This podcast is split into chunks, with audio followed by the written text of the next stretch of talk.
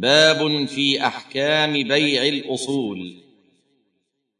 الأصول هي الدور والأراضي والأشجار وما يتبع تلك الأصول إذا بيعت مما يتعلق بها. فيكون للمشتري وما لا يتبعها فيبقى على ملك البائع. ومعرفة ذلك ينحسم به النزاع بين الطرفين ويعرف كل ما له وما عليه.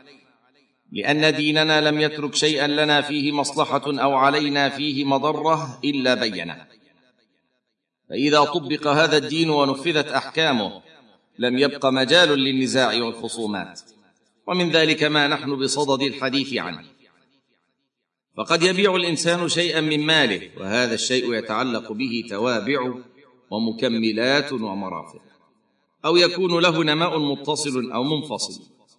فيقع اختلاف بين المتبايعين أيهما يستحق هذه التوابع. ولأجل الحكم بينهما في هذا الاختلاف عقد الفقهاء رحمهم الله بابا في الفقه الإسلامي سموه باب بيع الأصول والثمار. بينوا فيه ذلك. فإذا باع دارا شمل البيع بناءها وسقفها لأن ذلك كله داخل في مسمى الدار. وشمل أيضا ما يتصل بها مما هو من مصلحتها كالأبواب المنصوبة والسلالم والرفوف المسمرة بها والآليات المركبة فيها كالرافعات والأدوات الكهربائية والقناديل المعلقة للإضاءة وخزانات المياه المدفونة في الأرض أو المثبتة فوق السطح والأنابيب الممددة لتوزيع الماء وأدوات التكييف المثبتة في أماكنها لتكييف الهواء أو لتسخين الماء. ويشمل البيع أيضا ما في الدار من أشجار وزراعة وما أقيم فيها من مظلات. ويشمل البيع أيضا ما في باطن أرض الدار من معدن جامد أما ما كان مودعا في الدار وما هو منفصل عنها فلا يشمله البيع كالأخشاب والحبال.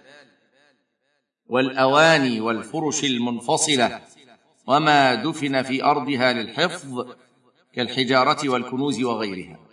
وكل هذه الأشياء لا يشملها البيع لأنها منفصلة عن الدار فلا تدخل في مسماها إلا ما كان يتعلق بمصلحتها. كالمفاتيح فإنه يتبعها ولو كان منفصلا عنها. الصفحة الثانية والأربعون بعد المئتين. وإذا باع ارضا شمل البيع كل ما هو متصل بها مما يستمر بقاؤه فيها كالغراس والبناء. وكذا لو باع بستانا شمل البيع أرضه وشجره وحيطانه وما فيه من منازل. ولو باع ارضا فيها زرع لا يحصد إلا مرة كالبر والشعير فهو للبائع ولا يشمله العقد. وإن كان في الأرض المبيعة زرع يجز مرارا كالقت أو يلقط مرارا كالقثاء والباذنجان فإن أصوله تكون لمشتري الأرض تبعا للأرض. وأما الجزة واللقطة الظاهرتان عند البيع فإنهما تكونان للبائع. وكل ما ذكر من هذا التفصيل فيما يتبع البائع وما يتبع المشتري عند بيع الأصول إذا لم يوجد شرط بينهما.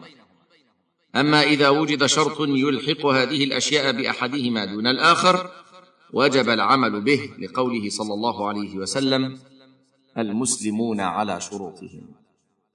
حاشية؟ رواه أبو داود برقم أربعة وتسعين وخمسمائة وثلاثة آلاف. وحسنه ابن الملقن وابن حجر. انتهى. ومن باع نخلا قد أبر طلعه فثمره للبائع.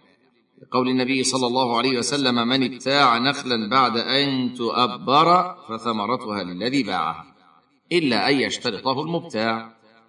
متفق عليه.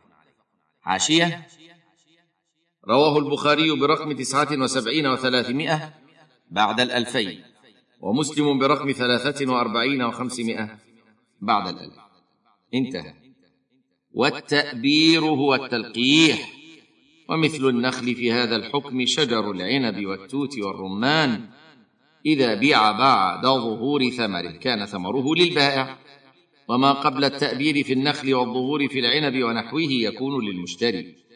لمفهوم الحديث الشريف في النخل وقياس غيره عليه. ومن هذا تفهم كمال هذه الشريعة الإسلامية. وحلها لمشاكل الناس. وأنها تعطي كل ذي حق حقه. من غير ظلم ولا إضرار بالآخرين. فما من مشكلة إلا ووضعت لها حلا كافيا. مشتملا على المصلحة والحكمة. تشريع من حكيم حميد. يعلم مصالح عباده وما يضرهم في كل زمان ومكان. وصدق الله العظيم حيث يقول يا أيها الذين آمنوا أطيعوا الله وأطيعوا الرسول وأولي الأمر منكم.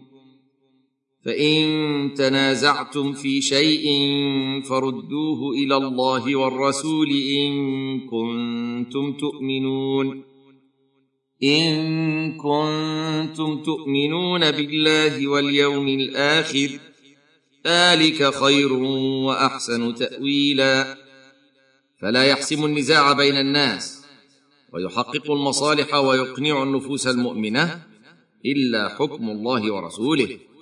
أما أنظمة البشر فهي قاصرة قصور البشر وتدخلها الأهواء والنزعات كما قال الله تعالى ولو اتبع الحق أهواءهم لفسدت السماوات والأرض ومن فيهن فتبا وبعدا وسحقا لعقول تستبدل حكم الله ورسوله بقوانين البشر.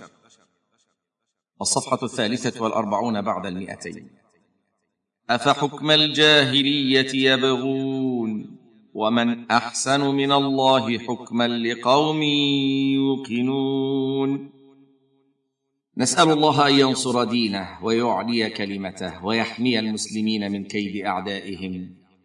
إنه سميع مجيب.